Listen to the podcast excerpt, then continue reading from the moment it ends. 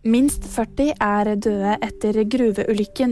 Streik i private barnehager, og USA øker sin militære støtte til Ukraina. Minst 40 er døde etter gruveulykken i Tyrkia. Det opplyser landets innenriksminister. Fredag eksploderte det inne i gruven. Flere har blitt hentet ut, men det skal fortsatt være folk inne.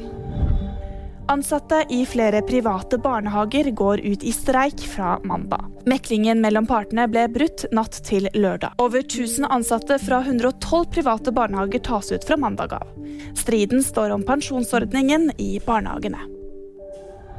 USA gir militær støtte til Ukraina til over 700 millioner dollar. Det opplyser Pentagon og USAs utenriksdepartement. Den nye pakken inneholder bl.a. raketter, ammunisjon, kjøretøy og medisinsk utstyr. VG-nyheter fikk du av meg, Jyri Friis Edland.